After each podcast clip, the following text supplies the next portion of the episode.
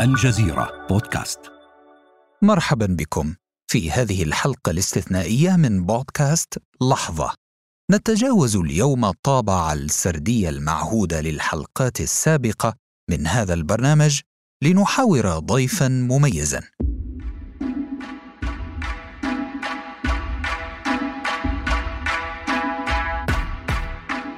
أنا محدثكم محمد معوض مدير تحرير قناة الجزيرة. أحاور البروفيسور نوم تشومسكي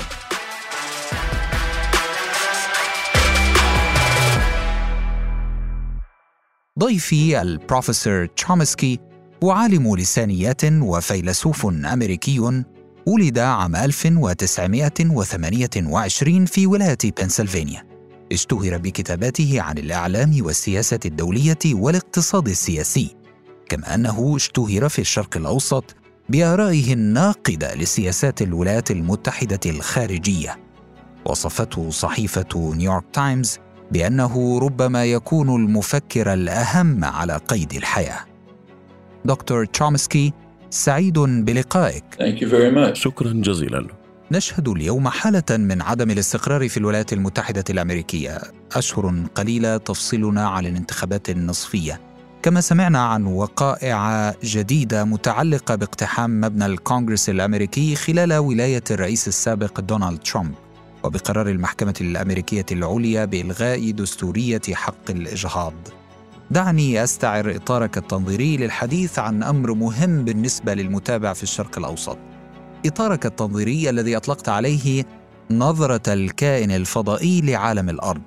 تماما مثلنا. ورغم كوننا في قلب أي أزمة عالمية إلا أننا نجد أنفسنا دوما في الجانب المستقبل لتبعات أي حرب. الحرب التي شنتها روسيا على أوكرانيا أدت إلى أزمة اقتصادية تهدد الأمن الغذائي في منطقتنا. وهنا يأتي سؤالي الأول لك دكتور تشومسكي. هل لك أن تشرح لنا أكثر عن طبيعة المخاطر التي سنواجهها في الشرق الأوسط في الأيام المقبلة؟ بسبب هذه الحرب القائمة. أدى غزو روسيا لأوكرانيا إلى إيقاف تصدير الأغذية والأسمدة من منطقة البحر الأسود وهي من أهم مصدري هذه المنتجات. العديد من البلدان في الشرق الأوسط مثل مصر والسودان واليمن تعتمد عليها بشدة في تأمين احتياجاتها. إن العديد من البلدان تعتمد بشدة على صادرات القمح والأسمدة من منطقة البحر الأسود التي أوقفتها روسيا بالحصار الذي فرضته خلال عملية الغزو. هذه إحدى الأزمات.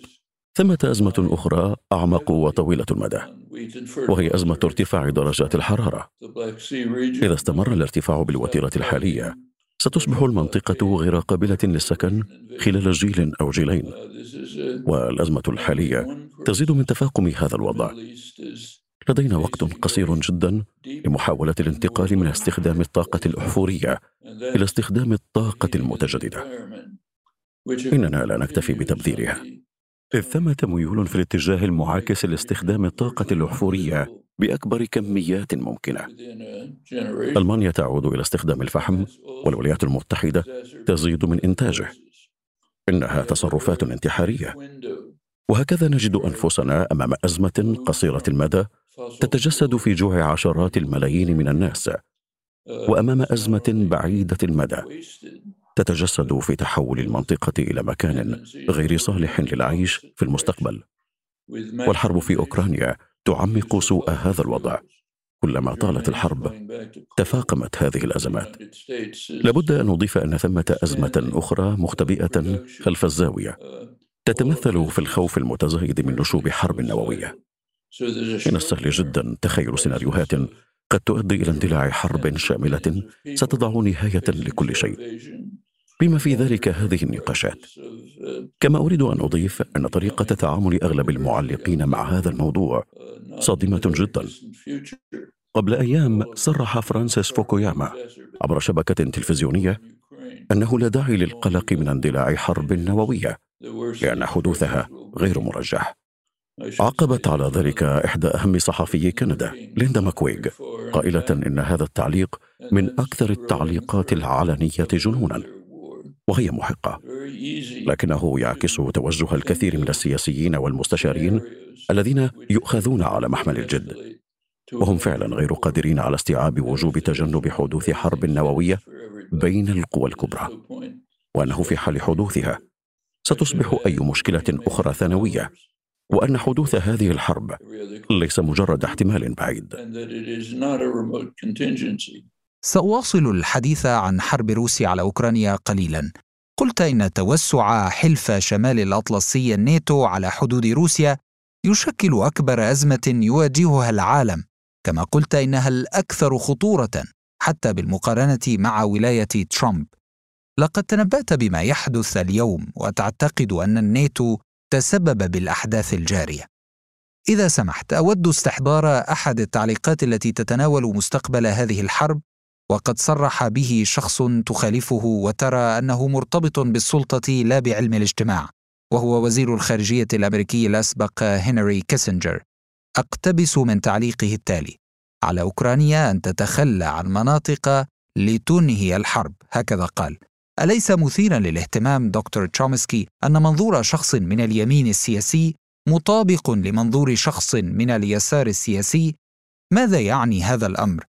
هل نرى فيه تجسدا لنظرية حدوة الفرس المعروفة في علم السياسة بأنه شخص من اليمين وشخص من اليسار ربما يتشاركان نفس وجهة النظر كحدوة الحصان التي تبدأ من نقطة وتنتهي عند نفس النقطة بطريقة موازية. أعتقد أن الحرب وصلت إلى نقطة تستدعي منا النظر إلى الأمام وليس للخلف وأود سماع تعليقك على هذا الموضوع. ثمة نقاط بسيطة جدا يجب أخذها بعين الاعتبار. يكاد الأمر يكون منطقا بحتا. هناك طريقان لإنهاء الحرب الدبلوماسية أو الاستسلام.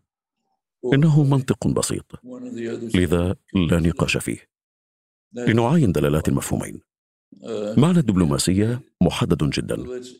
إنها التوصل إلى اتفاق يمكن للطرفين تقبله حتى وإن لم يحبه. هذا هو تعريف الاتفاق الدبلوماسي. إنه اتفاق يمكن للطرفين القبول به حتى إذا لم ينفذ مطالبهما. الاستسلام بديل الدبلوماسية.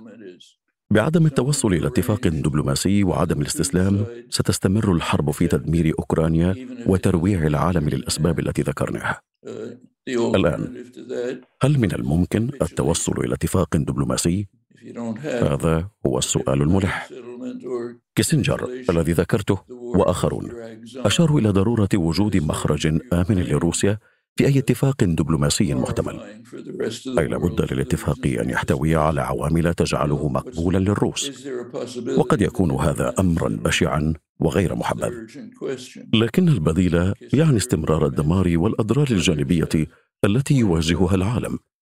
هذا أمر محتم. ثمة حقيقة أخرى لا يمكن التغاضي عنها. وهي الاحتمال غير المرجح لتكبد روسيا خسارة عسكرية.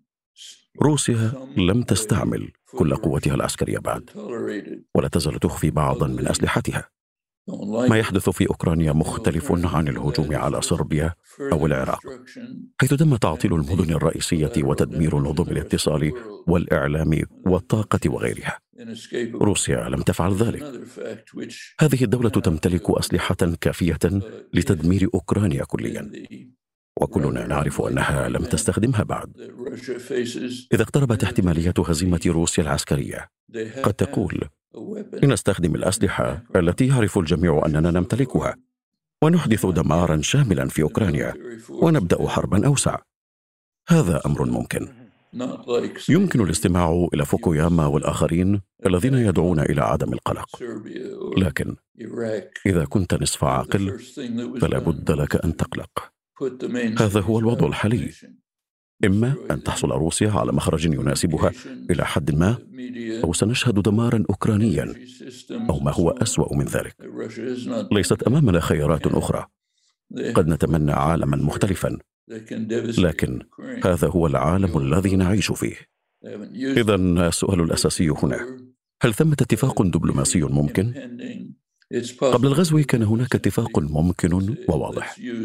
اقترحه زيلينسكي إلى حد ما ويتضمن ثلاثة عناصر. الأول تحييد أوكرانيا فهذا كان يشكل خطا أحمر خلال الثلاثين سنة الماضية. لقد سبق بورس يلتسن وغورباتشوف بوتين إلى عدم قبول عضوية أوكرانيا وجورجيا في أي تحالف عسكري بقيادة الغرب. لأن هذه الدول كانت ولا تزال مراكز جغرافية استراتيجية بالنسبة لروسيا. هذه النقطة الأولى. النقطة الثانية متعلقة بشبه جزيرة القرم وهي أمر لن يتم التعامل معه في وقت قريب مهما كان ذلك غير محبذ. قال زيلينسكي وهو محق إن أوكرانيا لن تتخلى عن حقها في القرم لكنها لن تتعامل مع هذا الأمر الآن وستضعه على الرف في الوقت الحاضر لتعاين مسائل أكثر آنية. إذا وضعنا مسألة القرم جانبا تبقى لدينا مسألة منطقة دونباس وهي من أكثر المناطق الشرقية ارتباطا بروسيا. قبل سنتين أي قبل الغزو كانت روسيا تميل إلى فدرلة أوكرانيا ومنح منطقة دونباس درجة عالية من الحكم الذاتي فيما يشبه النموذج السويسري أو البلجيكي. بعد الغزو ومع تفاقم العدوان وسعت روسيا مطالبها فيما يخص منطقة دونباس منادية باستقلالها الكامل. هذا الأمر يعتمد على سيرورة المفاوضات. إذا عينت مقترحات أوكرانيا مقترحات الرئيس زيلنسكي في آذار الماضي ومقترحات المتحدثين باسم الحكومة الروسية ستجد أنها لم تكن متطابقة تماما. لكن كان من الممكن التوصل إلى اتفاق مشترك يجمع بين مطالب الطرفين بجهود دبلوماسية جادة. ربما كان من الممكن التوصل إلى توافق ما. لا ندري. مع ذلك بروفيسور تشومسكي موضوع السلام لا يحظى بشعبية في هذه الفترة. يبدو لي أنك تناقش إمكانيات التوصل إلى اتفاق سلمي لكن السلام ليس مطروحا الآن. الروس يقودون عملية غزو واسعة ويستمرون في الهجوم على شرق وجنوب أوكرانيا وهم ليسوا مهتمين حتى بتجميد العمليات. يقول البعض في الدول الغربية إن الرئيس الروسي فلاديمير بوتين قد يكون مهتما بتغيير الوضع الراهن لكن يبدو أنه غير مهتم فعلا بتغيير الوضع الراهن في شرق أو جنوب أوكرانيا. لنركز قليلا على المستقبل والأحداث المقبلة.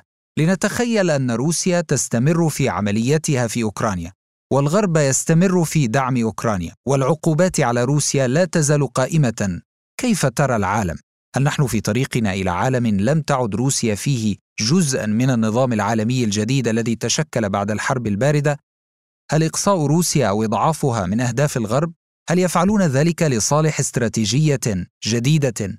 لمواجهة الصين مثلا في المستقبل القريب؟ إن السياسة الأمريكية الخارجية مصرة على عدم إجراء المفاوضات ولا دبلوماسيه وعلى إدماج أوكرانيا في قيادة الناتو العسكرية أي قبولها كعضو بحكم الأمر الواقع والاستمرار في الحرب لإضعاف روسيا. إن الهدف من كل ذلك إضعاف روسيا تماما كي لا تتمكن من القيام بأي عمليات عدوانية أخرى. هذا ما تتبعه السياسة الأمريكية الخارجية. وما تم التأكيد عليه قبل أسبوعين في قاعدة رامستاين العسكرية الأمريكية في ألمانيا. لقد صرحت بوضوح في اجتماع قمة الناتو بالمفهوم الاستراتيجي الذي توصلت إليه قوى الناتو ومن انضم إليها قبل يومين.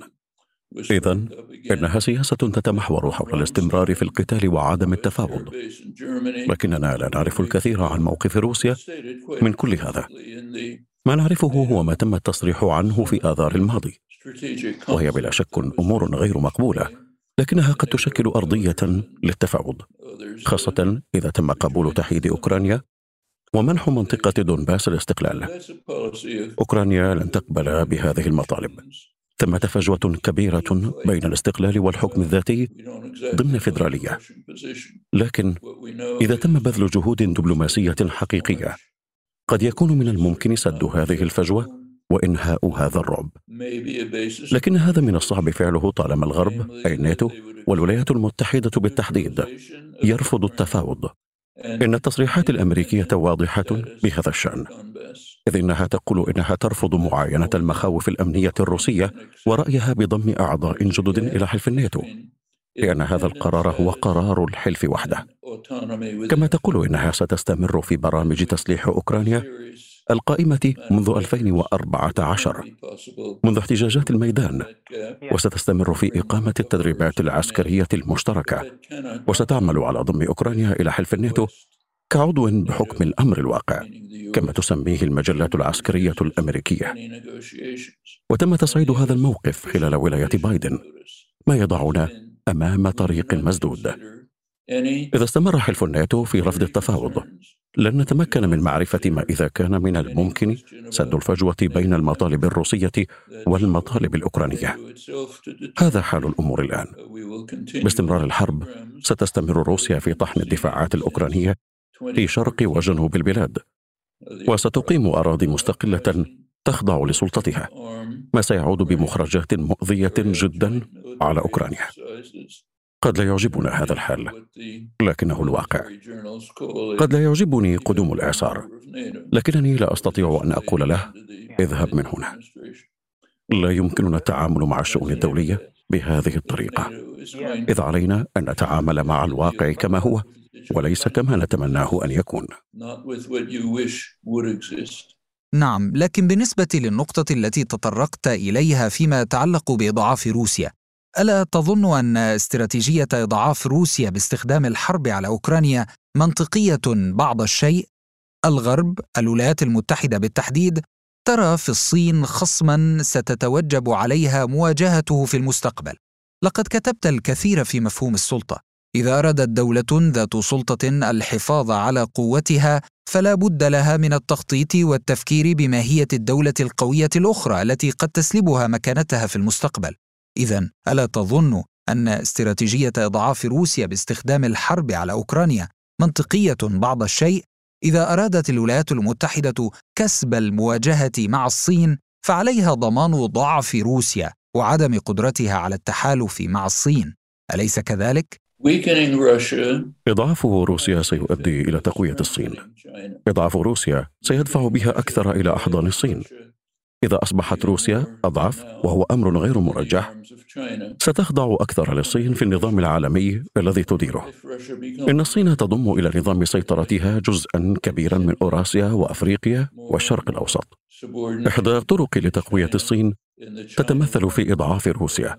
لكن طبعا لدى روسيا كم هائل من الموارد الطبيعية والصين ستكون سعيدة بالوصول إليها بامتيازات حصرية. إنهم يراقبون ما يحدث ويقولون إذا أراد الغرب القضاء على نفسه فهذا ليس من شأننا. لن يشاركوا في العملية. لكن لاحظ لا أخلاقية هذا الموقف. إنه يعتمد على الاستمرار في محاولة إضعاف روسيا. حتى إذا عنى ذلك تدمير أوكرانيا وتجويع الملايين وتراجع العمل على البرامج الضرورية للتعامل مع الأزمة المناخية. وحتى إذا عنى تحضير المشهد لحدوث حرب نووية. كل هذا من أجل إضعاف روسيا. ما الهدف من إضعاف روسيا؟ يعني هل تشكل روسيا تهديدا حقيقيا؟ أين؟ هل هددت روسيا أي بلد آخر عدا البلدين اللذين تعتبرهما؟ خطا أحمر جورجيا وأوكرانيا. هل تمتلك روسيا الآن؟ قدرات عسكرية تسمح لها بتهديد أي بلد آخر؟ لا حجج منطقية في هذا الشأن. إنه رأي مبني من فراغ. لقد أوضح الغزو على أوكرانيا امرا شمت به القادة العسكريون في الغرب وهو أن قدرات الجيش الروسي مبالغ في تقديرها.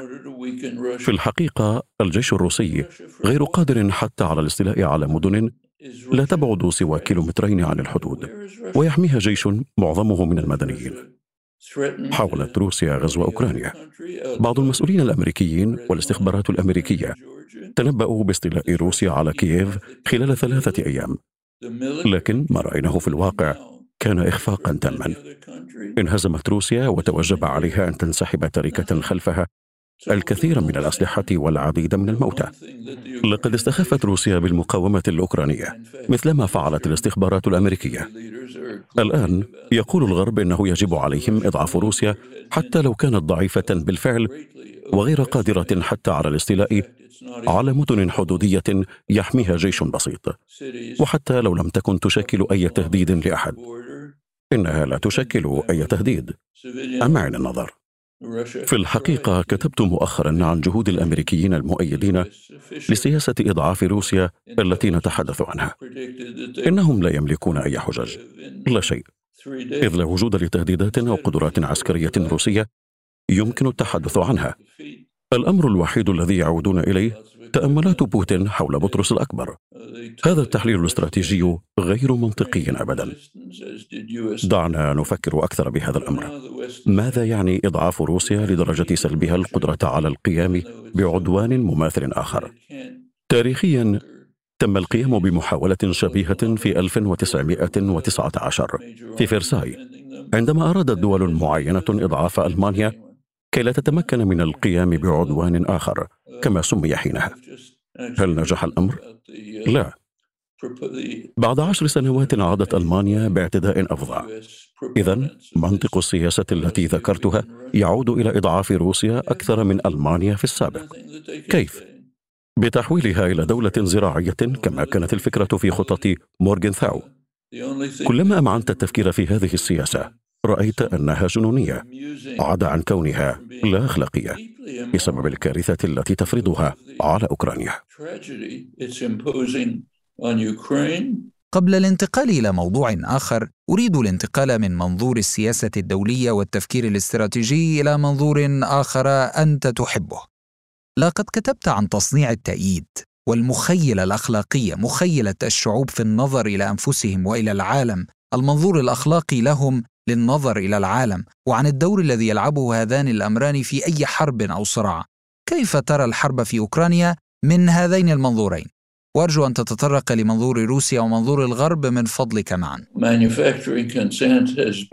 لقد وصل تصنيع التأييد إلى مستويات غير مسبوقة. إنها المرة الأولى في حياتي الواعية التي تعود إلى ثلاثينيات القرن الماضي التي أرى فيها هذا المستوى من الرقابة العامة ومحاولات السيطرة على آراء الناس.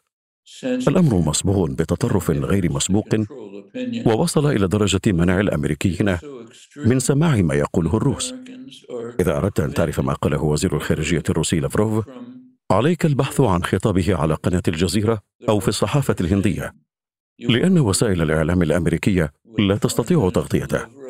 القنوات ممنوعة من القيام بذلك حرفيا. أصبح الأمر مضحكا إلى حد ما حيث وضعت قاعدة جديدة يجب على المعلقين الالتزام بها. تتمثل في وصف غزو روسيا لأوكرانيا. بأنه غزو غير مبرر. هذا الأمر أثار فضولي. لذا بحثت عن هذا التعبير على محرك جوجل. فوجدت مئات الآلاف من النتائج. بالمقابل إذا بحثت عن تعبير غزو العراق غير المبرر فلن تجد سوى بضع مقالات تنتقد الحرب. لا شيء عن هذا الموضوع في وسائل الإعلام السائدة. هذا مثال عظيم على تصنيع التأييد وهو سيء جدا.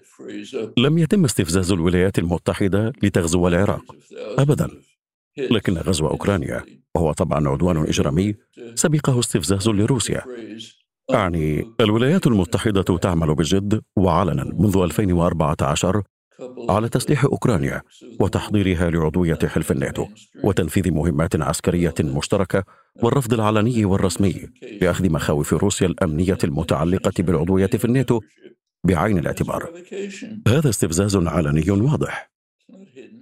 ألا تظن أن هذا ينطبق على روسيا أيضا؟ ألا تظن أن بوتين صنع التأييد ليبدأ الحرب؟ ألم يفعل ذلك ليسيطر تماما على الرأي العام في روسيا ليضمن عدم معارضة الشعب لقرار إعلان الحرب؟ روسيا دولة شمولية. لذا لا تسمح بأي تعبير عن المعارضة. لا تستطيع. هذا أمر يختلف عن تصنيع التأييد. بالطبع ما وصفته ينطبق على روسيا. لكنني أتحدث عن الغرب وخاصة عن الولايات المتحدة الأمريكية حيث السيطرة المفروضة الآن أكبر من تلك التي كانت موجودة خلال الحرب العالمية الثانية وهي حرب أذكرها جيدا هذا أمر مؤذن للغاية لأنه يخلق حالة من عدم تقبل التفكير النقدي بالسياسات المطروحة بالتالي إذا تساءل أحدهم عن بعض الجوانب التي نناقشها اليوم ما الخيارات المتاحة؟ ما تبعات هذه السياسات؟ ما المنطق وراء هذه الأحداث؟ يتم فورا اعتباره استرضائيا ومناصرا لروسيا ويشيطن حتى لو كان شخصا له اعتباره في المجتمع مثل كيسنجر الولايات المتحدة ليست دولة شمولية لذا لن تأتي الأجهزة الأمنية لتأخذني من بيتي وتزجني في السجن لكن لابد من القول إنها تنشر البروباغندا المؤذية لأوكرانيا ولسكان الشرق الأوسط وللعالم أجمع لما تحمله في طياتها من مخاطر وتهديدات. وهذا ما علينا التعامل معه. لا أستطيع تغيير واقع الرقابة في روسيا. لكنني أستطيع بالتأكيد العمل بجد للتخلص من الرقابة في الولايات المتحدة الأمريكية. نعم فهمت فهمت. أريد أن أسألك عن مسألة متعلقة بالمخيلة الأخلاقية وهي كما ذكرنا المنظور الذي تحدثت عنه نظرة الشعوب لأنفسها وللعالم من النظرة الأخلاقية. يرى البعض في الشرق الأوسط أن مخيلة الغرب الأخلاقية وضعت تحت اختبار حقيقي في هذه الحرب. ثمة فرق شاسع بين استجابة الغرب للأزمة الإنسانية الناتجة عن حرب أوكرانيا واستجابته للأزمات الإنسانية الناتجة عن صراعات نشهدها يوميا في الشرق الأوسط ومنها الصراع في سوريا وأماكن أخرى في المنطقة. الجهود التي تم تفعيلها في الغرب للتعامل مع أزمة اللاجئين واللاجئات القادمين من أوكرانيا مثلا لا تقارن بما فعله الغرب للاجئين السوريين والقادمين من بلدان أخرى تشهد صراعات في الشرق الأوسط إذ أنه أغلق حدوده تماما أمامهم وشكل عقبات أمام وصولهم إلى بلاد اللجوء. ما رأيك بهذا الأمر؟ لماذا هذا التناقض؟ إن الغرب لا يستجيب للأزمة الإنسانية في أوكرانيا. إنه في الحقيقة يعمقها برفضه التام للمفاوضات التي قد تنهي هذه الأزمة. لقد استجابوا بسرعة للأزمة الإنسانية في أوكرانيا لكنهم كانوا مترددين فيما يخص النزاع السوري. لدرجة أنهم أغلقوا حدود أوروبا أمام اللاجئين القادمين إليها. هذا ما أعنيه. استقبل الغرب اللاجئين واللاجئات الأوكرانيين. ولم يستقبل اللاجئين واللاجئات السوريين. صحيح. لكنه أمر معتاد. يعارض الغرب بشدة غزو روسيا عدوته لأوكرانيا. لذا استجاب باستقبال اللاجئين. الوضع في سوريا لا يقارن مع هذه الحالة. لأن السوريين والسوريات يهربون من هجوم العديد من الأطراف. نظام الأسد والهجمات التركية في المناطق الكردية وهجمات الجهاديين وداعش. لا يمكن مقارنة هذه الحالة مع مثال أوكرانيا إذ إن الغرب سيستجيب بالطبع وبسرعة للأزمات التي يتسبب بها عدوه الرسمي. يعامل اللاجئون السوريون كما يعامل اللاجئون القادمون من دول أخرى أي بطريقة شنيعة. في الولايات المتحدة يعامل اللاجئون من أفريقيا وأمريكا الوسطى وسوريا بنفس الطريقة السيئة. إنهم يصنفون بطريقة مختلفة تماما عن اللاجئين الذين فروا من بلادهم بسبب أفعال قام بها عدو رسمي. هذا أمر قبيح وبشع ومفهوم. بروفيسور تشومسكي لننتقل إلى موضوع آخر. سؤالي عن الربيع العربي عن مخرجات الربيع العربي. الذي سميته مرة الشتاء العربي كيف ترى مخرجاته الآن؟ وهل لا تزال تتوقع كما ذكرت سابقا قدوم ربيع عربي آخر؟ نعم أتوقع ذلك لقد كان الربيع العربي لحظة أمل كبير وحماس عظيم وفرصة أمام شعوب الشرق الأوسط لتحرير أنفسهم من الأنظمة الوحشية والقاسية والفاسدة التي كانوا يرزحون تحت سيطرتها. في البداية بدا الربيع ناجحا إلى حد كبير وكانت ردود الأنظمة عليه عنيفة في أغلب البلدان. في مصر شهدنا قيام أقسى نظام ديكتاتوري في تاريخ مصر البشع حيث تم اعتقال حوالي ستين ألف شخص بسبب آرائهم السياسية وانتشر التعذيب والعنف والقمع. رد الفعل الأكثر قسوة كان في سوريا. حيث تم التعامل مع محاولات الإصلاح البسيطة والضرورية جدا بطريقة وحشية وقاسية وبشعة من قبل نظام الأسد القاتل. ما أدى فيما بعد إلى حرب طاحنة كانت آثارها مدمرة على البلد. هل سيأتي ربيع آخر؟ أعتقد ذلك. الظروف التي أدت إلى قدوم الربيع الأول لا تزال قائمة. القمع لا يزال منتشرا. أعتقد أن شعوب المنطقة ستهب مرة أخرى كما هبت مرات عديدة في السابق لتبني مجتمعات أكثر حرية وديمقراطية. لكن ألا تظن أن ثورة أخرى لشعوب الشرق الأوسط أمر بعيد المنال؟ بما أنهم ربما فقدوا الثقة بكل ما حصل؟ لا أعتقد. إن الظروف الحالية فظيعة ولا يوجد سبب مقنع يجعلنا نعتقد أن الناس ستقبل بها للأبد. انظر إلى العبودية مثلا. كان واقعها أسوأ بكثير. لكن الأشخاص المستعبدين لم يتوقفوا عن التمرد قائلين حسنا سأقبل بالأمر الواقع وأعاني.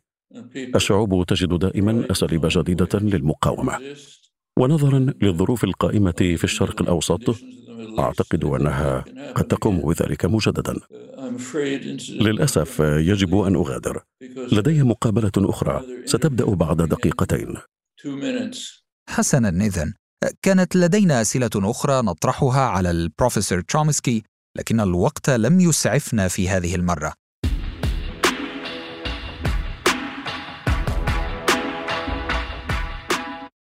شكرا لك بروفيسور على قبولك الدعوة وعلى وقتك. وشكرا لكم على الاستماع لهذه الحلقة الخاصة من بودكاست لحظة. شاركونا ارائكم ومقترحاتكم وتابعوا الجزيرة بودكاست على منصات التواصل الاجتماعي ليصلكم كل جديد. أنا محمد معوض أحييكم وإلى اللقاء.